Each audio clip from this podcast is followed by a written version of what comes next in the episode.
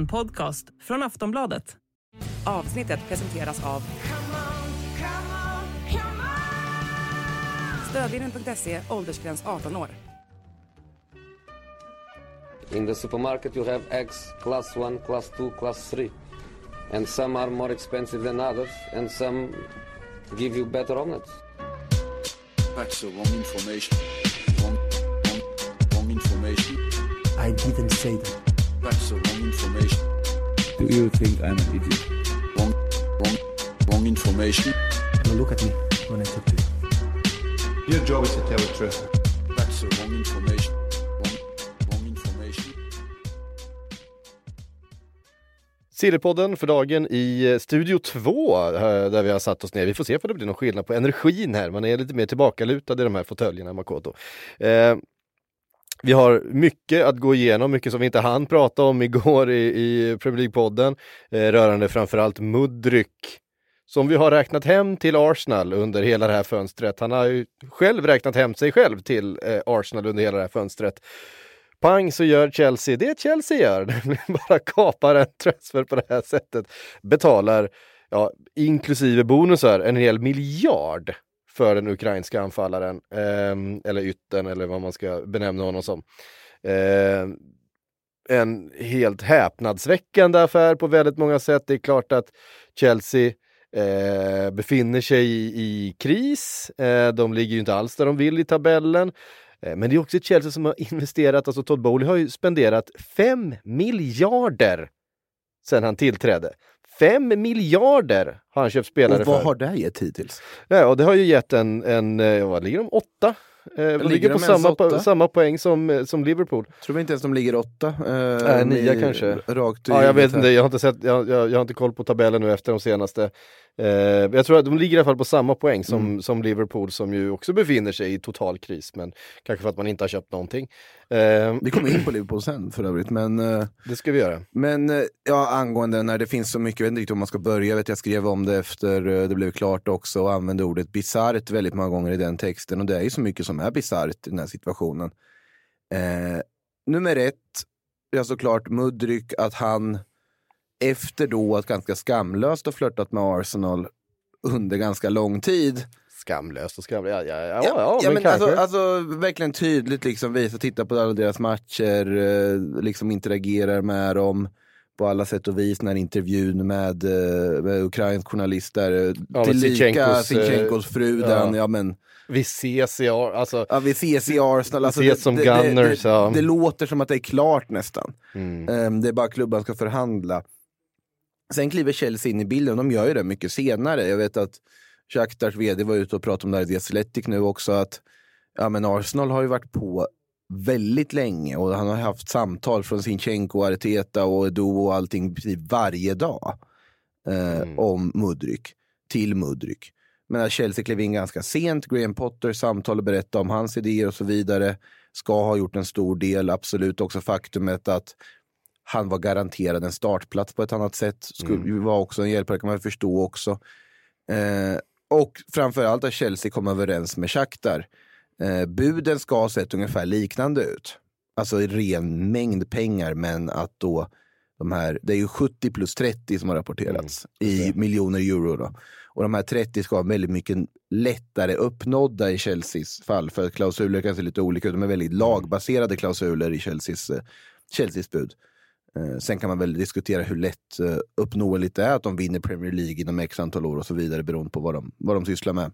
Med tanke på hur truppen ser ut just nu och hur, hur det har gått. hur, hur den är så är det väldigt eh, mycket pengar och det är också ett väldigt långt kontrakt. Det är ju så här, många har ju undrat hur kan Todd Bowley överhuvudtaget skriva eller värva Mm. så här? Eh, finns liksom, finns eh, Financial Fair Play helt utraderat? Eh, nja, det finns ju sätt att komma runt Financial Fair Play. Ett sätt är att skriva då åtta och ett halvt år långa kontrakt. Eh, eftersom du då kan skriva av hela den här Mm. eh, summan under de här åtta och ett halvt åren. Ja, plötsligt så pratar vi om att det är en eh, spelare som kostar, men det gör ju att på sikt så kommer man inte kunna göra här investeringar för man kommer under varenda eh, år Mm. framöver här ha massor med avbetalningar som ska eh, som ska skötas och lyckas man då inte sälja spelare. Vi har ju sett det här eh, på andra håll också, nere i, Spanien bland annat. Eh, eh, Barcelona har suttit i sådana eh, i såna saxar där man eh, inte har kunnat helt enkelt betala de här avbetalningarna till slut och det har gjort att man inte har kunnat värva för man, man, man måste då sälja för att köpa eh, av, ja, på ett annat sätt. Men vi Eh, hittar ju alltid, varje fönster nu för tiden hittar vi nya sätt som storklubbarna går runt FFP och det är ju kort och krasst kan man konstatera att FFP är ingenting som stoppar de rika klubbarna, det är någonting som är ett hinder för de inte lika rika klubbarna. nej, så och det är är ju det. det som är problemet med hela regeln. Men i det här fallet, det blir väldigt intressant experiment som Todd Bowley gör nu med de här baseballkontrakten som han skriver. Mm. Eh, att om man tittar på amerikansk sport så är det ju ändå alltså helt vanligt att skriva 13 års kontrakt med en riktigt bra spelare för att du vill säkra honom. Men du har också ett annat system med free agency och eh, liksom och så vidare när kontrakt går ut och du måste gå till domstol för att avgöra vilken lön som den här spelaren borde ha i sitt nya kontrakt. Det finns helt andra regler. Han kommer ju från en sån värld. Han är ju ägare för LA Dodgers som är en av de mest liksom, frikostigt spenderande baseballklubbar som finns, som alltid plockar de största stjärnorna. Eh, här, ja, som sagt, då kommer vi in på det mer som är bisarra i det här och det är väl just att ändå Chelsea lägger de här pengarna på den här spelaren och den här positionen. Mm. Alltså en offensiv kvick spelare som utgår från vänster. Det är inte riktigt vad de behöver. Nej. Man tittar på Joao Felix som de plockar in på ett halvår. Han utgår från vänster ganska ofta om man tittar liksom i hans rörelsemönster. Raheem Sterling köpte de för dyra pengar i somras. Det finns en Kai Havertz, det finns Pulisic. Mason Mount, det finns en Pulisic. Eh, det finns fortfarande en, eh, en eh, Hakim Ziyech. Eh, alltså offensiva spelare saknas ju inte i Chelsea. Det som saknas är ju en, en renodlad målskytt. Och det är ju Mm. inte det Mudryk är heller. Nej, och, men framförallt är det en spelare som har väldigt begränsad erfarenhet och egentligen bara hävdat sig i ett gäng Champions League-matcher, varav det också var Mm. Det var inte som att han briljerade mot Real Madrid i, i Champions League-gruppspelet nu senast. Det var snarare mot Celtic han var bra. Och han har inte bevisat det på den allra högsta nivå. Absolut, han har hypats väldigt högt och de säger att det är en supertalang och han kan mycket väl vara jättelyckad värvning för Chelsea. Men han har den här enorma prislappen på sig. Man tänker, ja men det kanske faktiskt till och med hade varit rimligare att lägga miljarden på Enzo Fernandes. För det hade varit en spelare som hade passat mycket bättre i den rollen på så vis, eller liksom behoven som de har just nu. Så det är det som får allting att bli konstigt. Och sen agerandet de gör på sociala medier när innan det är klart och de håller på ja, men följer den här killen, kollar på hans mål och, och det här liksom utbytet mellan Shakhtar och Chelsea på Twitter också. Det var jätteunderligt att följa alltihopa. Eh, sen finns det ju såklart eh, alltså, finare aspekter ur den här övergången. Att Shakhtar väljer att skänka en stor andel av transferintäkten till just det, krigsoffren i Ukraina. Eh, för att stötta det är ju ett land som är i krig, som är i en kris. Så att det är ju, på så vis så finns det väl något fint i det. Sen har jag väldigt svårt att se att det är liksom goodwill av Chelsea att de valde att göra den här värvningen och betala ett överpris på grund av den anledningen. Eh, det har jag väldigt svårt att se. Men fint av Shakhtar i alla fall att göra det och ganska självklart att göra det också i det här läget. De här. Men nej, det är, det är mycket som är underligt. Sen som sagt, han kan mycket väl bli en väldigt lyckad spelare för dem. Men med tanke på vad han har åstadkommit så reagerar jag ganska kraftigt på om man väl lägger den prislappen. Och nu kanske visst, kan, men du sa ju att det var vettigt om Arsenal gör det. Jo, för att Arsenal är och slåss om en titel. Ja. De är i ett läge där de ska lägga upp det. Chelsea är i ett läge där de sannolikt inte ens tar en Champions League-plats. Eh, och som sagt, de har skrivit åtta och ett halvt års avtal med honom bara för att kunna amortera liksom hela transfersumman ur FFP-perspektiv under en lång period. Så de har egentligen inte råd och de är inte klara heller. Och nu tittar de på ytterligare offensiva spelare. Så de vill ju verkligen göra om hela offensiven rakt av. Men Jag tror inte bara det är problemet i det här Chelsea. Eh, Så att är det många frågetecken alltså. Ja, vi har fått en fråga här från, eh, från Gustav på, på Twitter. Eh, han skriver “Tjena Mudryk, affären kommer nu givetvis ta upp som vi precis har gjort. Eh, vad kan vi förvänta oss av Chelsea i sommar som istället för att handla nytt då kommer ju allt handla om att göra sig av med spelare. Eh, och det är ju de här vi har nämnt, Pulisic, Aubameyang som eventuellt då är på väg tillbaks till Barcelona, Ziyech, kanske även Havertz. Jag menar de köpte Raheem Sterling förra sommaren. Just Vi nämnde inte ens Auba i vår sammanställning av offensiva spelare. Men ja, Nej, eh, och, och Broja är där och jag menar, Eh, det finns hur mycket offensiva spelare som helst. Eh, men eh, ja, Mudryk ska in i det här pusslet också. Mudryk som ju dessutom är ju en, dels så har han en ganska begränsad erfarenhet som vi sa, men också en ganska speciell person vad det verkar, en figur. Det var, jag blev precis intaggad här i eh, någon som har sammanställt hans eh, sociala medier-innehåll genom de senaste åren. Eh, han har lagt ut ganska mycket på olika ställen, bland annat från ett svenskt mediamarkt vad det verkar, där han står och gör en dansvideo eh, mellan... Eh, Vad hände här? ja, alltså det, det är oerhört eh, märkligt. Erik Engstrand taggade precis in oss båda två. Kan inte gräva i varför Mudryk står på ett svenskt mediamarkt här. Ah, Det hinner vi tyvärr och inte du göra tänker nu. ju varför är det inte ett svenskt Bauhaus? Jag, jag ser ju på dig att det är där du tänker. Va? Det lite- kunde ju varit så mycket bättre. tänker Lite du. besviken är man ju. Nej, men det, det är också det här. Sen är det ju klart med Mudryk och med eh, situationen i Ukraina att överhuvudtaget köpa ifrån eh, från Shakhtar just nu. Ehm, han har ju fått såklart stora delar av sin karriär eh, lite uppskjuten kan man väl säga på grund av kriget. Ehm, han har inte spelat så mycket och, och det är klart att relationen till till militären, till, eh, till hemlandet och så vidare är ju väldigt speciell. Och bara det att menar, Chelsea eh, med sin historia med Roman Abramovic eh, köper en ukrainsk spelare nu. Ska spela en match i det som Shakhtar kallar eller ukrainska Donbass, liksom när allt Ja. är på något sätt över. De ska ha en vänskapsmatch i framtiden som är inbokad. Eh, alltså så, som sagt, det finns, det finns ju en positiv aspekt i det just att det är ändå väldigt mycket av de här pengarna som annars florerar runt mellan rika ägare som hamnar till sådana som behöver det i det här sammanhanget. Sen som sagt så tror jag att vi ska konstatera att det här är Shakhtars goodwill och uppenbara sak de behöver göra i det här läget. Eh, och fint av dem givetvis. Eh, men ja, det är, som sagt, det är ändå mycket som är väldigt underligt med den här värvningen på alla sätt och vis. Med, om man tittar på ja, hur den har kommit till, behovet för Chelsea, pengar som spenderas sett till vad spelaren i fråga har gjort tidigare i sin karriär. Ja, det, det är mycket frågetecken. Sen är det bara att hoppas för Chelsea att den här blir bra. Hoppas för Graham Potter att den här blir bra och att han visar sina kvaliteter och att det faktiskt blir en lyckad, lyckad investering på sikt. Det, det får man ju hoppas, men jag, jag har mina tvivel ändå. Ja, vi, vi, vi har såklart fått mycket frågor om, eh, om just det här. Vad ska Arsenal göra nu? Hur ställer Chelsea upp? Och vi kan väl ta det. Eh, Peter undrar, hur ser Chelsea startelva ut när alla är friska och krya? Vilken stjärna tappar humöret först? Nej, men alltså, nu är väl i och för sig Sterling och Pulisic skadade, men eftersom alla är friska Om alla är friska och krya. Pulisic eh, har ju redan börjat ruttna lite grann på sin eh, ställning han, han har i inte Chelsea. tagit Han har inte tagit chansen heller, och Det har nej, inte Hakim. Ziyech gjort och det har inte Raheem Sterling gjort. Men Eh, Sterling, han har ändå den, den, den historien, den pondusen eh, i liksom han kom dessutom i somras för mycket pengar och han är Raheem Sterling, han är ju en stor stjärna. Så eh, honom, det går inte att peta Raheem Sterling, i min värld i alla fall. Mason Mount ska ju spela där. Eh, Kai Havertz ska också spela där. Jag ser en fyra, någon sorts 4-2-3-1 lösning eh, på sikt. Om man ser att alla är tillgängliga där du har Mount som tia, Havertz eller Felix som den offensiva där uppe. Eh, de två på mitten Mm. har Mudryk till vänster. Tänker jag. Ja. Eh, sittande blir ju, ja, det är väl Kovacic och eh, ja, Kanté om han är frisk eller Jorginho. Mm. Eh, där tycker jag fortfarande att det fanns ett mer behov att få in en rikt in i mitt fält där på sikt du kan bygga kring.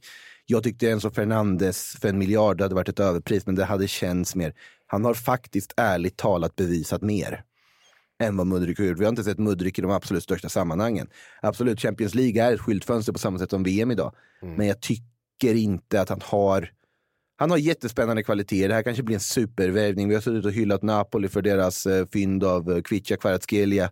Men de betalar inte heller en miljard för honom. Eh, och han har bevisat sig. Såklart att det finns en chans att Mudryk blir en supersuccé. Det råder ingen tvekan om den saken. Men det är en jättechansning. Eh, man märker också på liksom reaktionen i Arsenal att ja, vi gav bud som man tyckte kändes okej, säger man från Arsenal-lägret, men ja, det, det fanns inte liksom att eh, följa upp på det här. Eh, och jag vet inte om Mudryk då valde liksom att ja, men Chelsea visar mycket tydligare att de vill ha honom. Han går dit. Eh, men det är, det är ju en rörig, rörig situation han har ju mycket uppförsbacke med tanke på liksom hur tydligt han har visat att han ville till Arsenal tidigare. Men jag kanske skulle tolkat det som att han tydligt ville till Premier League snarare. Eh, bara att det, det liksom symboliserades via Arsenals rödvita färg till att börja med. För det var de som ringde honom varje dag och pushade varje dag och de som tydligt visade intresse varje dag. Och då blir det ganska enkelt så att det, det blir det. Sen så ska väl alla ha avföljt honom på Instagram och allt möjligt. Ja, alla Arsenal-spelare som Nej, följde honom har det är avföljt honom nu. Det är så rörigt. det är jätteroligt.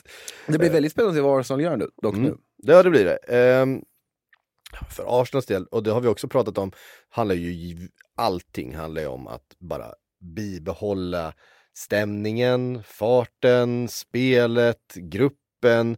Allting går ju så bra just nu. Mm. Eh, Du får ju inte göra någonting för att liksom störa det här som håller på att hända eh, under den här säsongen. Eh, det måste ju bara, det måste bara fortsätta, det måste bara rulla på, trumma på. Mm. Och då gäller det ju, och det är klart, givetvis kan man i ett sånt läge köpa spelare, men du kan inte köpa vilka spelare som helst, du kan inte köpa för, alltså du kan inte kasta in Karim Benzema i det här laget. eh, för, att ta en, för att ta en gammal klassiker. Eh, Vilken grej det hade varit. Ja, vilken, ja men alltså, för då, visst du köper en av världens bästa anfallare. Eh, han Kanske inte världens formstarkaste anfallare just nu, men ehm, men det kommer påverka din grupp, det kommer påverka det här. Du, du, du, du riskerar ju mer med, med en sån. Utan det handlar ju om att få in, det tror jag i och för sig att Mudryk hade kunnat vara, någon som hade definitivt inte räknat med eh, så mycket start eh, eh, spel. Men å andra sidan, då är det en miljard för en spelare som ska komma in och vara ett komplement och någonting på sikt kanske. Och samtidigt så har man ju så väldigt spännande spelare på de här positionerna. tycker jag Enketia har gjort det jättebra under de här senaste veckorna. Bukayo Saka är liksom hela klubbens framtid.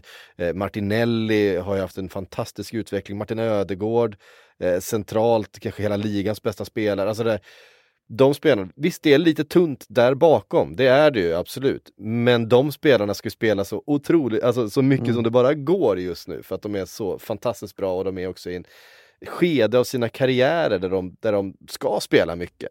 Ehm, Arsenal har ingen, inget Europaspel den här eh, säsongen. Europa League. Ja, Europa League har de, men de har inget Champions League där de, där de Mm. måste liksom eh, eh, gå för. Utan det, det är liksom eh, där hade man i och för sig kunnat få liksom, speltid och sådär för en, för en Mudryk. Man kanske kunde... Ja, men det är ju de matcherna som du vill ha spelare som Så kan att- täcka att- upp också. så att, eh, Kupperna Men allt det finns, det finns ju intressanta, det, vi har fått många förslag här bland frågorna. Vi kan kasta in här, Adelin skriver, Arsenal hade ett bud på Ferran Torres nekat i somras, han har inte fått sär- särskilt mycket speltid i Barca. Kanske dags att försöka igen. Ehm, Ja, Ferran den, Torres den ju- idén gillar jag. eh, rätt spännande, inte helt, han hade väl, alltså inte helt eh, tokigt komplement till Gabriel Jesus. Eh, att, att ha de två och kunna växla mellan. Ja, eller snarare komplement och kunna rotera Saka och Martinelli också. Ja, han, Eh, han funkar ju lika bra på en kant. Nu tror inte jag Barca är intresserad av att släppa Ferran Torres och jag Nej. tror att det snarare är så att Arsenal försöker ännu ett varv på Rafinha i sånt fall. Mm. Eh, Rafinha har det pratats om också. Däremot så ska ju Barcelona ha slängt på en miljardprislapp på honom Mm. i det här vinterfönstret. Rafinha skickade ut själv någonting efter Supercupsegern här nu också att jag, eh, första titeln, många fler kommer i Barcelona ungefär. Så han har inget intresse av att lämna än. Även om han har haft en tuffare höst och inte riktigt kommit in i det och inte riktigt imponerat och det pratas om att han kan säljas tidigare än man väntar sig så, så kommer han nog inte sälja sig vinterfönstret. Däremot i sommar om rätt bud kommer, då kan Barcelona mycket väl tänka sig casha in på honom. Vilket skulle innebära att de kan spara in vissa pengar. De har ett överflöd av spelare ändå. Eh, så att Rafinha på sikt. Leandro Trossard är ett annat namn. Mm. Det har Eh, vi också fått eh, utav, eh, bland frågorna här. Eh, Och Leandro Trossard, vi har ju sett hans högsta nivå under den här säsongen. Eh, Mm. Han är ju en, han är en fenomenal fotbollsspelare, en, en, en, en trollkarl egentligen Mm. med fötterna. Eh, när han är på humör. och, och eh, humör har han ju inte varit på. Nej, inte, inte, inte hela tiden. Och Nej. inte nu på slutet. Nu har han väl, nu har han väl varit skadad va? Ja men det, han, har ju, han är ju totalt utfryst. Alltså, Mm. Han fick ju höra att han inte skulle starta någon match här nyligen och hade då lämnat utan tillåtelse. De Cherby blev ju rasande. Sen har Trossards agent gått ut och sagt att han ska bort härifrån och de tycker det är respektlöst hur han har behandlats och så vidare. Så det, är ju, det har ju skurit sig helt mellan De Cherby och Trossard. Eh, så han vill ju bort. Han har ju ett kontrakt som också har väldigt lite tid kvar på. Eh, Tottenham ska ha fått ett bud nekat har det rapporterats. Arsenal är intresserade och erbjudits honom. Och så har vi ju en till klubb i London. Chelsea, Chelsea som ska- också är intresserade av Trossard. Eh, de ska ju jaga både Trossard och Moises Caicedo. De ska göra minst två värvningar till i Chelsea tydligen. Mm. Eh, och Moises Caicedo förstår jag, men då, du måste ju skriva ett typ 20-årskontrakt för honom för att få ihop det. Liksom. Det kanske inte bara är rimligt nästan. Då, då kommer 13-årskontraktet också, långa. Ja, Eh, nej, men, men Trossard kommer det vara en jakt på. Jag tycker där finns ju en billig. Tottenham gav ett ganska litet bud, men det är som sagt, med kontraktsläget så är det ju rimligt att försöka. Det är en spelare som också hade kunnat gå in och bara bidra och funka och bli väldigt bra i den miljön. Eh, jag vet att jag själv har tyckt och skrivit också att det Arsenal dock borde göra först av allt, det är att ta hela den där miljarden och vara redo att lägga på Mudryk, ringa De Laurentiis i Napoli och säga du, den där Kvaradona, Mm. boom, här. Och sen kommer han säga nej, Mm. antagligen. Och då säger man okej och så går man vidare. De Laurentiis vet man ju aldrig med. Han gillar ju att Ex- casha in. Exakt så, man vet aldrig. Man vet aldrig. Du måste ändå försöka. Ja. Alltså för jag tycker att den miljarden är ju betydligt bättre investerad. Och det är också en spelare som hade gått in och kunnat göra otrolig skillnad. Men Om- där, ja, då, där känner jag ju igen i sommar. Just här och nu så tycker jag att det är en för profilstark Han är spelare. inte Det- tillräckligt profilstark än. Ja, Det men det det är en spelare som man hade ändå förväntat sig skulle starta rätt mycket fotbollsmatcher. Eh, vilket jag tror inte att det utrymmet finns i, i ligaspel och eh, i det här Arsenal för att de, de ska hålla i den här, de, det är den här starten, det är, det det är som en Leicester-säsong där. De har en startelva Ja. här som ska, som ska göra det tillsammans. De kommer starta varenda jävla match.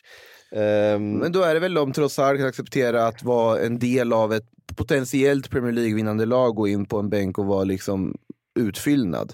Då är Det han ett väldigt han bra skulle- alternativ. Ja, det- han kan ju spela centralt också, han kan spela på... Alltså det, så jag tycker, och han skulle inte kosta så mycket heller. Eh, sen får jag se, som sagt, är, om du inte vill rubba balansen så kanske inte är bra en spelare som bara argt lämnar utan tillåtelse från träningar och så vidare och bråkar med tränare. Det är väl också en frågetecken. det är det. Alltså ett annat namn som man skulle kunna tänka sig, nu slänger jag upp ett rakt ut utan, eh, utan någon form av källa eller eh, tanke, Jesper Karlsson. Ja. Ehm, kanske det. Det är ju det är en spelare som definitivt hade accepterat att sitta på en bänk i alla fall. Problemet är väl att PSV eh, också i ett läge där, eh, nu är ni för sig i eh, AZ ändå, så att han ryktades till PSV så var det ju såklart som ersättare till Gakpo, det var därför jag blandade ihop det i huvudet. Mm. Eh, nej, för att, eh, ja, men det hade ju varit något, möjligtvis. Då. Vi, eh, vi ska ta oss vidare strax ifrån eh, från Arsenal. Har vi Eh, mer frågor? Eh, ja, vi har fått massa frågor, men vi måste prata om Declan Rice. Just det, Eh, för just att det. där finns ju definitivt ett behov. Eh, det finns offensiva alternativ, Mm. men bakom Thomas Partey och eh, Granit Xhaka så finns väldigt lite. Eh, just nu spelar ju framförallt Thomas Partey eh, Mm. helt eh, sanslöst eh, bra fotboll. Han var eh, magisk igen här i, i derbyt i helgen. Men skulle han gå sönder så är ju det en sån där faktor som har potential att välta en säsong. Ehm, West Ham går riktigt, riktigt svagt just nu. Declan Rice är nog sugen själv på Men det eh, händer ju inte nytt. nu i januari. Men det kan inte hända nu i januari, Nej, jag nej, tror nej, inte heller det. Men, men i sommar så kommer Declan Rice signatur vara någonting som många klubbar eh, kommer jaga efter och, Arsenal hade ju verkligen haft nytta av eh, en sån spelare. Ja, och det är ju The Times som har rapporterat att han är prioritet i sommaren. Och jag tycker att Arsenal gör det ganska smart här. För just nu så har ju klubbar som Liverpool och City förblindats av Bellingham-jakten. Gå in då och eh, försök lösa Declan Rice medan alla tittar på andra namn. Mm. Skippa ens och försöka med Jude Bellingham. Lämna den till de andra och sen gå på en, en spelare som verkligen hade passat tror jag och funkat väldigt bra och så, funkat i den här gruppen. Sen såklart att vi kommer ha Chelsea inblandade där också. Eh, men det känns också som ett ganska bra steg för Declan Rice, särskilt om Arsenal skulle ha Champions League-plats och erbjuda och allting. Mm. Så att jag förstår, det är helt logiskt tycker jag.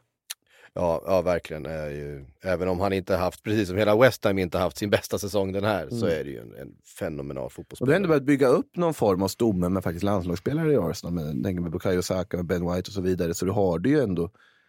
Du bygger vidare på en engelsk yngre stomme och det är någonting som vi inte haft i Arsenal på ganska lång tid egentligen. Och det Nej, tror jag kan också vara faktiskt. väldigt nyttigt.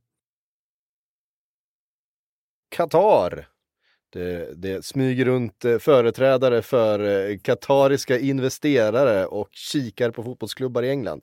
Eh, Liverpool är en av dem, det har kommit eh, mer och mer, inte några riktigt trovärdiga uppgifter än, men att det finns intresse är väl alla rätt överens om. Eh, att det finns någon slags värdering som många verkar vara rätt överens om också, även eh, både investerare och, eh, och eh, FSG, nuvarande ägarna då. Eh, samma sak gäller ju Manchester United. Det pratas också om Tottenham, eh, att det har eh, fu- funnits eh, intressen för. Ehm, och ja, men det här har ju såklart rört upp en massa känslor. Eh, det är alltså samma grupp som eh, äger PSG idag. Eh, det är en grupp som det vill säga att det finns fler intressenter också. Det finns fort- amerikanska intressenter som också har varit och visat intresse för, för Liverpool. Och, Är Bahrain fortfarande aktuellt? jag tror också det finns några yt- ytterligare eh, sådana investeringsfonder från eh, Mellanöstern som också är, är och kikar och, eh, och hör sig för om eh, tillgänglighet och så vidare. Eh, men det handlar då också om, om samma eh, konsortium som äger PSG, eh, väldigt förknippade då med, med den katariska kungafamiljen och deras investeringsfond. Eh, Och eh, det här har ju såklart rört upp en massa, massa känslor. Eh, lokalt, eh, den, eh, Liverpools eh, supporterunion, eh, inte supporterklubben men, men, men supporterunionen Spirit of Shankly som var väldigt drivande och bildades, eller väldigt drivande runt eh, att få Hicks och Gillette bort från Liverpool i de protesterna i, i slutet på 00-talet. Ehm, är en väldigt, väldigt stark röst bland eh, Liverpool-supportrar. De är väldigt närvarande på The Cop. Eh, de är väldigt djupt rotade i, i eh, ja, men bland supportrarna i staden. Eh, har ju uttryckt sitt, eh, sitt missnöje inför eh, den här investeringen, inför den eventuella investeringen. Eh, vilket har lett till en, en, en hel del olika åsikter. Väldigt mycket, framförallt eh, Liverpool-supportrar runt om i världen som gärna ser den här investeringen för att det skulle ge klubben en möjlighet att ja, köpa vilka spelare som helst egentligen och eh, helt, helt göra den här klubben till någonting annat. Eh, någonting som mer liknar kanske ett PSG eller ett Manchester City. Ehm, och det är ju väldigt intressant och det här nu kommer vi ju då in på den här, för jag tycker att man gör sig själv en otjänst om man lämnar diskussionen vid eh, huruvida det här är rätt ägare eller inte, eller huruvida eh, det här är liksom, det är en del av en mycket större händelse just nu som inte ens bara rör fotbollen. Eh, och det här har ju pågått ganska länge. Eh, det är ju så här att den idrotten som vi konsumerar, om det så är fotboll eller eh, inne, innebandy höll jag på att säga. Det- det- det- Varför varför sa innebandy? Det var ett otroligt dåligt exempel. Den där kommersialiserade innebandyn. Ja, varför sa jag innebandy? Helt, helt obegripligt. Nej, men om det är så här, golf eller tennis eller eh, ishockey eller ja, men vad det nu än är. Det är alltså det är idrotter som är sprungna ur en västeuropeisk kultur. Eh, förknippade, eh, de kom ifrån liksom, från Storbritannien, från Frankrike, från de skandinaviska länderna eh, och är väldigt djupt förknippade med våra eh, våra idrottsrörelser, eh, med demokratirörelser, med eh, eh, lokalsamhällen, eh, de här idrotterna, de här klubbarna och föreningarna och allt det där, hela de här rörelserna är väldigt djupt förknippade kulturellt med den här lilla delen av världen. Eh, det som har hänt nu då i kommersialiseringen är ju att vi mer och mer har knoppat av de delarna eh, som rör underhållning och business. Det är saker som har liksom blivit konsekvenser med tiden av att de här eh, idrotterna har blivit väldigt populära så har det dykt upp en underhållning som en business runt det här. Som ju har varit såklart väldigt förknippad med övriga delar utav vår, vår idrottsrörelse. Eh, men som man mer och mer då sågar av och gör till någonting annat. Och frågan är, och det här gäller ju såklart inte bara katariska ägare eller, eller någon annan som investerar i idrott. Det här handlar lika mycket om amerikanska ägare eller vem det än är som, som vill äga den här sporten och kapa av underhållnings och affärsdelarna ifrån eh, det kulturella som det, som det kommer ifrån och göra det till någonting annat, sälja det till resten av världen. För vi har sett väldigt mycket av det här. Vi såg att ja, men reaktionerna runt eh, fotbolls-VM i Qatar till exempel eh, fick jättestarka reaktioner i Västeuropa, men Mm. inte någon annanstans i världen. Och jag tror att det är det det handlar om. Det handlar inte om att, eh, att sätta sig egentligen på högre hästar än någon annan. Det handlar om att eh, de här idrotterna är förknippade med en massa saker för oss som det inte är för någon annan. Det drivs ju, det sätts ju på sin spets. Eh, för det är klart att, att Liverpool eh, är ett hyperkommersialiserat varumärke.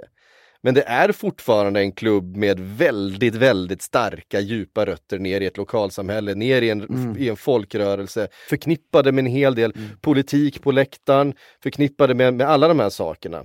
Eh, men det är en, liksom en, bara en del utav klubben man, man vill lyfta bort och snarare är det så att man istället kanske vill klistra på andra typer utav värderingar på det här varumärket. Det som man har lyft bort kan man istället eh, lyfta på, eh, sätta på andra värderingar på. Eh, och det är det som, när man kritiserar det här, känner jag, och det är samma sak folk som blev helt vansinniga på golftouren i Saudiarabien. Det är exakt samma sak. Man på något sätt känner ett ägandeskap över den här i- idrotten för att man förknippar den med sin egen eh, kultur och med, med saker som inte nödvändigtvis hänger ihop med den produkten som sen säljs till resten av världen. Ehm, och det här är ju, en, är ju ett skifte som har pågått under ganska lång tid i en allt mer kommersialiserad värld. Och, eller i kommersialiserad idrottsvärld. Eh, och det här är ju någonting som vi förr eller senare får bestämma oss för om vi vill ha eller inte ha. Antingen så får vi ha den här idrotten som är tydligt förknippad med folkrörelsen, med det lokala samhället, med eh, de här, i många fall då, demokratiska värderingarna som de här eh, idrotterna och rörelserna kommer ur. Eh, eller om vi ska se på idrotten som den här kommersiella underhållningsindustrin där vi är kunder som fans mer som man är till ett, eh, ja vad, vad vet jag? Band. Ja, kanske ännu mindre än så till, eh, jag gillar Marvel. Eh, är du med? Eh, eller jag, jag, jag, Min favorit Marvel-hjälte är Mo Salah. Liksom. Alltså den, så, ja, men alltså, det ligger mycket i det där. Sen är Eh. problemet att Premier League är väl på något sätt förkroppsligandet av hela den där kulturkrocken. Mm. För att du har å ena sidan klubbar som verkligen har den här historien och är inrotade i allting på ett sätt och, som, på det sättet som... Men inte jag Premier kanske, League har så liksom, ja. länge eh, försökt ha kakan och äta den. Mm. Och på något sätt, så länge det har varit liksom amerikanska ägare som man har tyckt ah, kulturellt inte skiljer sig så mycket, kanske håller sig ganska mycket Mm. i bakgrunden, så har man på något sätt kunnat ha kakan och äta den. Vi har kunnat vara den här hyperkommersiella Mm. underhållningsindustrin och samtidigt behålla det här andra. Eh, fast det har ju varit lite av en, av en, eh, av en lögn, ett självbedrägeri. Mm. Därför att det man har gjort är att man har knuffat den där, eh, den där mätaren åt det hållet hela tiden. Och vi har ju sett att de amerikanska ägarna också har mer och mer börjat eh, eh, eftersträva mer makt också över själva idrotten. Inte bara att de vill ha inflytande över sina investeringar, de vill också ha inflytande över själva fotbollen. De vill säkra sina investeringar. Ehm, Men det är som sagt, det är, det är väldigt lätt att bara, liksom, det kan slänga upp Super League-exemplet. Alltså, för de engelska klubbarna blev det en jättebacklash såklart. Eh, när man ville gå med på Florentino Perez projekt och så vidare. Eh, där är det ju så att Premier League-klubbarna går ju runt och mår bra även för att hela den ligan är så fruktansvärt kommersialiserad som den är. Absolut, jag säger inte att La Liga och Serie A och så vidare inte är kommersialiserade. Men de är inte i närheten på samma sätt eftersom där har du ju klubbar som möter Real Madrid och Barcelona de som fortfarande är på någon form av gräsrotsnivå. De fortfarande är lokalklubbar på ett annat sätt och inte har de här pengarna att spendera. Så där blir det mer tydligt att de som är globala varumärken, Real Madrid, Barcelona, vill liksom pusha på det för att de har du, hade blivit ett, det. du hade ett El Clasico som spelades i I, Ri- ja, du har en supercup Riyadh. som spelas i Riyadh, du har en supercup som väntar i Italien som spelas i Riyadh. Och det, om, om, vi, om vi då skär loss eh, den spanska fotbollen från Mm. sina rötter, från, från de här eh, eh, folkrörelserna, från Mm. eh, supporterna i lokalsamhället och bara tar nöjesindustrin, eh, eller underhållningsprodukten eh, och den kommersiella produkten. Och då kan det lika gärna spelas i Riyadh, det spelar ingen Och då, roll. och då kommer den viktiga, viktiga frågan, om, och nu, nu diskuterar vi inte liksom hur lämpliga vissa länder är utifrån vad de gör, utan bara liksom allmänna faktumet att du skäller oss. Mm. Eh, att är fo- fotbollen blivit så pass kommer, liksom global produkt att man ändå tänker, för att titta i Mellanöstern hur mycket fans de här klubbarna har. Ja, ja, har hur mycket stöd som helst och för dem är det en jättestor grej att liksom de här lagen Absolut. kommer dit. Och, och, och en stor ära för dem. Eh, är, är liksom fotbollen så pass stor att vi ändå ska säga att nej men det här är ett privilegium som bara det liksom, exempel, om vi tar tar Madrid och Barcelona som exempel, är det spanska folket förunnat för därifrån klubbarna kommer? Eller har vi redan kommit så långt så att de här globala produkterna som något alla ska få ta del av, om det så är i USA eller i Saudiarabien eller i Japan eller i Kina Mm. eller vad det nu är. Precis. Det, blir, det, är en, det är en lång diskussion och vi har redan varit, varit inne på den länge. Jag håller helt med där, du, det säger jag också. Eh, Men det Det är ju det är frågan när, när Qatar nu vill gå in i Liverpool, så är det ju. Ja, eh, och det här, den frågan är ju lite skild då ifrån, sen, sen, ju, sen, sen finns det ju, tycker Mm. jag, mer eller mindre lämpliga ägare också. Eh, jag tycker till exempel att stater inte ska äga fotbollsklubbar, för speciellt Nej, inte alltså, eh, stater som, som eh, inte är demokratier. Mm. Jag tycker en av idrottens verkliga grundprinciper Mm. är att idrotten ska vara demokratisk. Ehm, Det finns ett perfekt exempel på en liga som på något sätt fortfarande behåller det här. Såklart det finns vissa, vissa saker att ifrågasätta där också i samarbeten och reklamsamarbeten och så vidare, men det är Bundesliga. Som har kvar sin 51 regel som har ett, ett klimat där alla klubbar tar hand om alla. Titta under pandemin när hela Bundesliga går in för att, med ett stort sparpaket för att rädda alla de små klubbarna som mår illa. Det är Bayern München och Borussia Dortmund. Bayern München var inte så intresserade av att gå med i någon superliga. Där, där har du ganska bra exempel på när du lyckats kommersialisera något. Bayern München har såklart sina tveksamma samarbeten åt ena och andra hållet också. Men där du har någon sorts enhet och där du inte har skurit bort någonting från uh, rötterna på det här sättet. Och det här, och det som jag tycker är väldigt synd är att Mm. den här diskussionen som är en principdiskussion som rör egentligen eh, all fotboll och all idrott, Mm. eh, där det också går att hitta en väg framåt tror jag, så hamnar diskussionen om ja, men hur gör vi för att komma ur den här krisen den här månaden? Eh, när vi istället befinner oss i en, någonstans där vi borde ställa oss frågan, eh, vilken fotboll är det vi vill ha i framtiden? Eh, Vad är det för och vilken- fotbollsklubb som... och, och, och, ja, vilken, vilken ägare är bra ur det perspektivet? Inte vilken ägare är bra utifrån eh, vem köper den dyraste fotbollsspelaren till min Mm. fotbollsklubb, utan vem, vem tar den här klubben och den här fotbollen åt en eh, riktning som jag vill se, oavsett vilken riktning det är.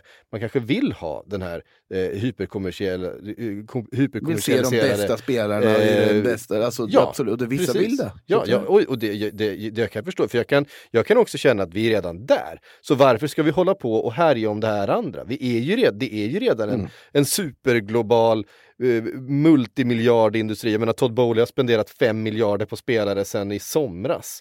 Eh, vi är ju redan där, så varför håller vi på att klamra oss fast vid det här andra? Eh, ja, men det kanske är bara för vår egen liksom, nostalgi. Eh, vad vet jag?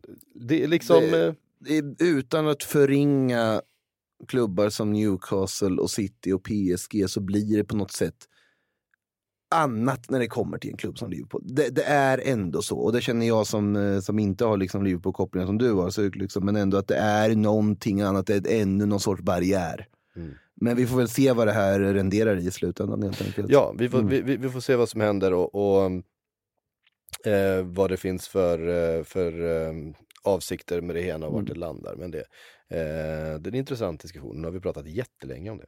Mm. Eh, Manchester United är också till försäljning. Eh, Marcus Ra- Också något annat tycker jag för övrigt, men det, det, Ja. det är en sak. Ja. eh, Äh, men, eh, Rashford är det väl pratas mycket. Wout Weghorst är presenterad och klar Mm. och får nummer 20. Wout.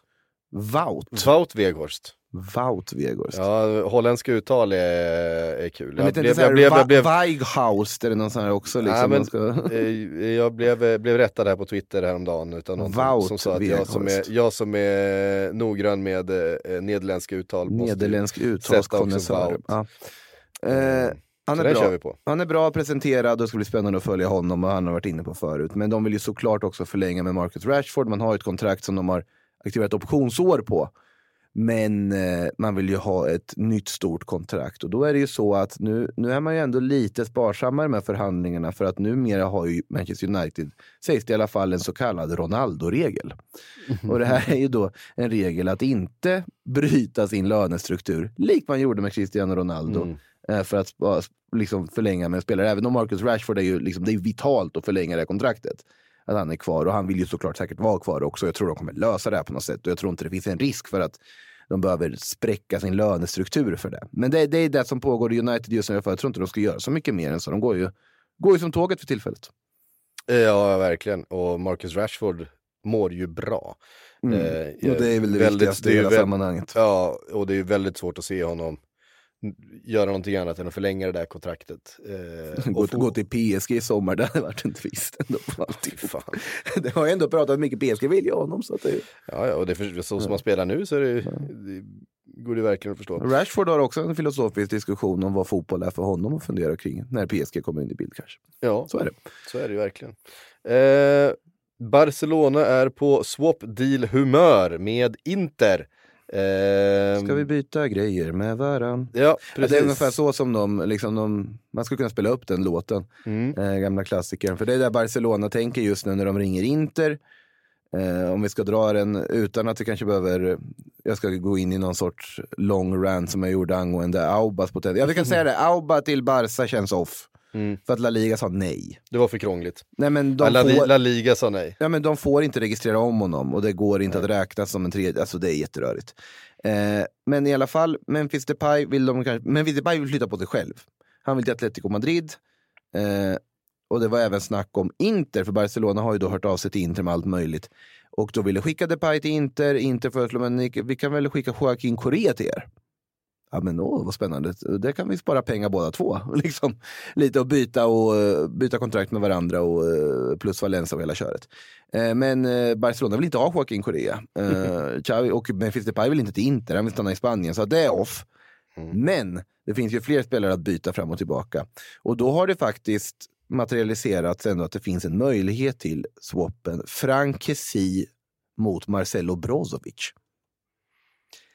Eh, för att Brozovic lockas av Barcelona, Barcelona lockas av möjligheten att värva Brozovic. Som Ja, väldigt- det förstår man ju verkligen. Ja, Frank Kessie har inte riktigt lyckats i Barcelona och då låg det ju på, vill Kessie göra det här? För det är ju allting hamnar på att klubbarna känner, men det här kan bli roligt och det sparar Han vi skulle ju pengar. få mer och... speltid i alla fall i, i Inter. Ja, Han går ju dock till Milans direkta konkurrent, men Milan-Inter-flytten är ju inte lika kontroversiell att göra som vissa andra rivalflytter. Men det verkar som att Kessi trivs ganska bra i Barcelona, trots att han inte får så mycket speltid och förtroende och inte har någon vidare lust att flytta. Vi får se om det där blir av heller. Men det verkar som att Inter och Barcelona, båda då, som inte kanske har jättemycket pengar att spendera, eller rättare sagt noll pengar att spendera, eh, byter spelare lite med varandra för att hålla alla nöjda på något sätt och, och funderar i de banorna och det kan hända någonting stökigt där på så vis. För om Depay ska bort till exempel, då behöver de ersättare. De vill försöka casha in kanske på Frank Kessie på något sätt och då kanske de vill ha en ersättare då. Kessie Brozovic-bytet är briljant för Barcelonas del. För Inters del förstår jag inte överhuvudtaget vad som pågår om de skulle göra det. Men eh, vi får se vad, vad allting renderar i. Den, den, den kittlar lite ändå. Ja, Tycker ja absolut. Och Atletico är ju fortfarande eh, sugna på, Atletico, eller på eh, Depay. Ja, ja och det, Depay är sugen på Atletico Madrid också. Det, på något sätt kanske de löser någonting där, men då, då blir det väldigt kul att se vad Barcelona gör. För jag tror att de ändå kommer vilja ha en forward till, även om jag inte tycker de behöver det akut. Eh, Jan Sommer, jag vet inte för du så, har sett bilderna på Manuel Neuer, de räknar inte med att ha Manuel Neuer tillbaks förrän ja, en liten bit in på nästa säsong. Eh, Bayern München är då på jakt efter Jan Sommer, eh, har inte lyckats få något bud godkänt än så länge. Ja, och då budar de ändå, vad var det, 9 miljoner euro rapporteras det ju. Eh, Jan Sommer som verkligen vill till Bayern München, jag förstår honom, det är hans stora chans. Gladbach som kanske inte helt vill sälja till Bayern München. Eh, även om han ju bara har ett halvår kvar på kontraktet. Och Gladbach tittar ju på andra alternativ, de pratar om Omlin från Montpellier bland annat som en ersättare på målvaktsposten. Eh, här finns ju dock en klubb som jag tycker borde kliva in. Jag tror att det kanske är lite känsligt att göra det just nu. Eh, det kanske inte är läget, men utifrån sportsliga perspektiv så borde väl ändå Tottenham vara intresserad av en ny målvakt. Och borde inte Jan Sommer vara ett ganska bra val som ny målvakt om det skulle vara möjligt? För det är ett billigt val. Alltså det, vi pratar väldigt små summor för en otroligt skicklig målvakt. Eh, och jag tycker att Sommer är otroligt undervärderad på marknaden överlag. Jag tycker Bayern bara ska... Bayern är ju också svåra att förhandla med. De betalar inte överpriser på det Nej, sättet. De, de är framförallt, hår- inte från, framförallt inte från en sån där, en sån där klubb. De ska, väl bara, de ska väl bara tacka och ta emot Ja, en sån där att som Bayern München överhuvudtaget- till och ser till att, de rullar runt där. Liksom. Att På tal om det välfungerande Bundesliga. Ja. Att, att Bayern München överhuvudtaget bemödar sig höra av sig. Eh, men det är klart, Jan Ett lag man inte ens orkar säga hela namnet på, bara säger Gladbach om dessutom. Istället för Borussia Mönchengladbach. Eh, eh, nej men, ehm, jag tror de löser det där till slut. Men alltså, han, samtidigt Jan Sommer, 34 år. Alltså, han har hunnit bli så gammal. Mm. Han är fortfarande fruktansvärt bra och det är målvakter håller i många år också. Han är Eh, yngre än Juris. Ja, så är det ju. Nej, men en Sommer, som sagt. Alltså Bayern har ett läge här. Om man tittar på vad andra klubbar som slåss om Champions League-titeln sysslar med just nu. Eh, Real Madrid ser fullkomligt under isen ut efter VM. Eh, City ser inte så här jätteövertygande ut. PSG är en tickande bomb som kan implodera när som helst. I och med att de har de stjärnorna de har och de har det dramat de alltid har. Galtier kan tappa omklädningsrummet precis när som helst, så vi vet aldrig när det händer i PSG. För de kommer att eh, kollapsa i en åttondel eller kvartsfinal igen, antagligen. Vi får se. Eh, vi har ett Liverpool som jag, då vi har varit inne på Liverpool redan. Bayern München har ett jätteläge att gå för CL-titeln. Det enda de behöver är en vettig målvakt. Och de kan få en vettig målvakt för ett okej pris om de plockar in Jan Sommer. Eh, så att jag tycker att de måste få in en målvakt där. Och det är många som undrar varför har de inte bara betalat det som krävs och plockar in den här målvakten för att få det här trupp. De har redan gjort en supervärvning. Daily Blint-värvningen, fritransfer, tycker jag är en av de bästa vi har sett i vinterfönstret hittills. Jag tycker den är briljant för alla parter. Eh, och Bayern har något väldigt bra på gång och ser väldigt starka ut. Så att jag, det är bara att köra tycker jag. Jan Sommer, 1,83. Ja, jag vet att du inte stöttar det, men jag tycker han är en av Det världens duger ju inte. Det duger ju inte. Ehm, ett par officiella grejer att redovisa. Danilo till Forest. Eh, och Det här är faktiskt en bra värvning som sagt. som Vilken jag- Danilo är det här då? Det är inte den vi tänker på först. Nej, det är inte Juventus-trotjänaren som han kanske kommer bli snart. Nej, Han, han trivs ju som fisken i vattnet, Danilo och Juventus. Jag var väl inte jätteglad kanske efter fredagens match på Napoli där. Jag trodde det var han första gången jag läste det, så var, vad har de ställt till med nu? Det hade varit, det hade varit något. Tyvärr är det inte det. Sen putsade jag glasögonen och såg att det var en annan Danilo. Ja, som satt på den där röda sammetsfåtöljen de hade satt upp honom på där, eller en piedestal eller tron om man ska kalla det. Mm. Jättebra värvning. Alltså om det ändå är en spelare som, som varit så pass bra som han har varit i Palmeiras. Nu har inte jag sett jättemycket Palmeiras, ska jag väl erkänna. Jag såg lite highlights på Endrik nyligen, det är väl där då. Eh, men, eh, men som ändå Arsenal ville ha en defensiv mittfältare som stabiliserar upp där. Och om nu Nottingham så tvunget måste ut och värva även det här fönstret så är väl Danilo en jättebra förstärkning. Det har ju varit en annan vinterförstärkning, Gustavo Scarpa, som har tipsat om Nottingham, hur kul han har haft det där. Ja, han har kommit in och börjat vinna matcher. Eh, så att, ja, men det, är väl en, det är väl en trevlig brasiliansk förstärkning för dem. Ja, absolut. Eh, dessutom så har vi, eh, ska se vad hade vi, just det, Sarabia till Wolves. Jag, när jag skrev det, jag började fundera på om det ens har presenterats officiellt. Jag tror att det har bara räknats som officiell, men eh, den är ju klar och rapporterats för klar. Eh, det är mest kanske så här, ingen vär- värvning man såg komma, men likväl typ en av de mest väntade värvningarna vi har haft i det här fönstret. Att Julen Lopetegui, en liksom otroligt spansk tränare, plockar in en otroligt spansk spelare Mm. som, från PSG som är lite på bänken och hamnar i Wolves av alla klubbar. Han kommer, han kommer göra sitt jobb, han kommer göra sina poäng ibland. Han kommer vara ganska bra tror jag till och med. Men han kommer inte sticka ut på något sätt egentligen heller. Han är, han är så jävla 3 plus. Eh, han är bra, eh, fine. Men han har ju inget i, det är klart, i Wolves kanske han kan funka. Han har ju absolut ingenting i PSG att göra till exempel. Ja, som, som I- i- komplement. i min- Ja, han jag tycker inte han har någonting i spanska landslaget att göra heller. Ehm, men Wolves, absolut. Eh, han, är ju, han är ju kompetent på något sätt. Mm. Ehm, Kompetent på något.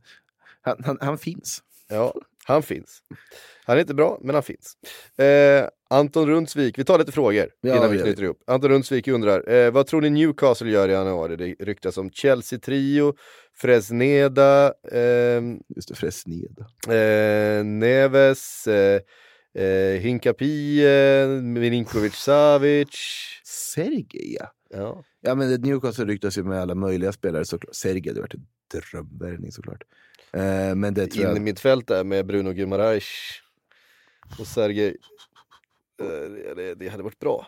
Det hade varit riktigt bra. Ja, men sen vet jag inte om Sergej vill till Newcastle direkt, men man har ju sett konstigare saker hända. Eh, det är, de kan ju dyka upp med något från ingenstans, man vet inte. Men jag tror att de är ganska nöjda med hur truppen ser ut just nu. Det är ju bredda som är det viktiga egentligen. För här pratar vi också ett lag där startelvan funkar galant. Och du har sparkapital i. Alexander Isak som ska komma igång tillbaka efter skadan. Saint Maximans tillbaka efter skada som ska komma igång också. Så det finns ju sparkapital att jobba med här. Det är inne fältet om man ska värva någonting tycker jag. Backlinjen, första backlinjen med Burn, Cher, Bottman, Trippier, den funkar jättebra. Det är en högervaktskomplement då kanske. Fresneda möjligtvis. Eh, Så jag tror att de sitter ändå ganska lugnt i båten. Sen kan det ju hända någonting till sommaren när de har Champions League-plats att erbjuda. Och då kan man ringa Sergej. Då kan man ringa andra spelare också som skulle kunna passa. Vi får se. Ehm, Erik Persson skrev, skrev bara Varberg och det var jättenära att svara Dollarstore Halmstad. Men eh, det kanske inte var själva staden han... Eh, han vill- Dollar står Halmstad. Det var ju, jag, jag, lite Halmstad, jag har lite Halmstad-kopplingar, det är därför jag känner så här. Har du Eh, Halmstad koppling? Är det något ställe du inte har någon koppling till? Gud ja. Värmland. jag, har absolut inget med Värmland att göra. Eh, Eh, jag, vet inte vad jag ska säga om Varberg riktigt. Nej. De är väl eh, liksom... di- disco, inte, disco inte här. Sälja 10 och köpa 10 igen. Alltså Jocke Persson kokar soppa på spik och så klarar de sig på någon vänster ännu en gång. Alltså Eh. det är väl känslan jag har just nu. Jag har inte hunnit göra så mycket Varberg-research inför allsvenskan. Det är långt bort i mitt huvud, även om i Discos huvud så är den ju högst levande den, den svenska vintermarknaden. Mm. Det, är lite, det är tillräckligt mycket att fokusera just nu på allt som sker i eh, Todd Bowleys värld, höll jag på att säga. Ja, precis. En sista fråga. David undrar, är Patrik Bränning med? Eh, nej, det är han inte. Men en shout-out till vår gamla Silly-general Patrik Bränning som eh, igår utsågs till årets sportjournalist eh, för 2022. Otroligt glädjande. Stort grattis till Patrik som eh, rullar runt med barnvagn eh, nu för tiden och är pappaledig. Eh, Givetvis på grund av Sillypodden han vann.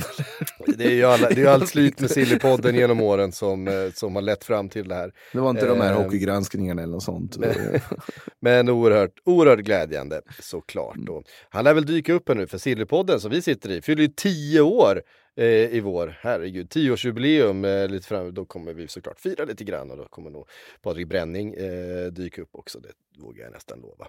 Eh, hörde ni, det var allt vi hann den här tisdagen. Eh, tack för att ni har lyssnat. Sillypodden är tillbaka lite senare i veckan igen med fler uppdateringar och kanske lite kortare rants då om eh, idrottens framtid Ja, men och jag- kommersialisering. Ja men det är ju det här nya studion. Ni, ni som, ni som bara lyssnar på, på avsnittet. Vi sitter ju här i blåa fåtöljer i med så träpaneler i den här nya lilla studion som man hör. Som har fått. Filosofiska rummet. Ja, det här är filosofiska rummet lite mer här. Så att det, det är väl därför vi hamnar i någon sorts liksom, existentiell diskussion kring fotbollens framtid istället. Ja, Så väl- kan det gå. Det är, det, det är där man hamnar också när man förlorar mot Brighton på det sättet som Liverpool gjorde. 0-3 mot Brighton. Man, går ner, man hamnar i, i djupet av sig själv. Hamnar man. Då, Oxley Chamberlain startar igen. mest, mest grundläggande liksom, eh, Vi ska väl nämna det, i och för sig Jörgen Klopp sa att det inte är på tal om att avgå i alla fall, med att det kan behöva ändras andra saker, sa han ju. Och då kanske han prata om någon sorts revamp av truppen, vi får se. Ja, vissa, eh, ja. Jag tror att det behöver, behövs anställas lite mer folk runt eh, Jürgen Klopp också. Eh, Ja, du tänker så här, typ sportchefer och, är det dags att skaffa fasta situationer-tränare? och du, det har de ju. Ja, såklart de har det, men jag menar en till. Ja, men jag menar, de har ju en inkasttränare. Eh, bara en sån sak. Nej, hörde, nu, måste vi, nu måste vi gå och käka lunch. Eh, vi, hörs, vi hörs på torsdag.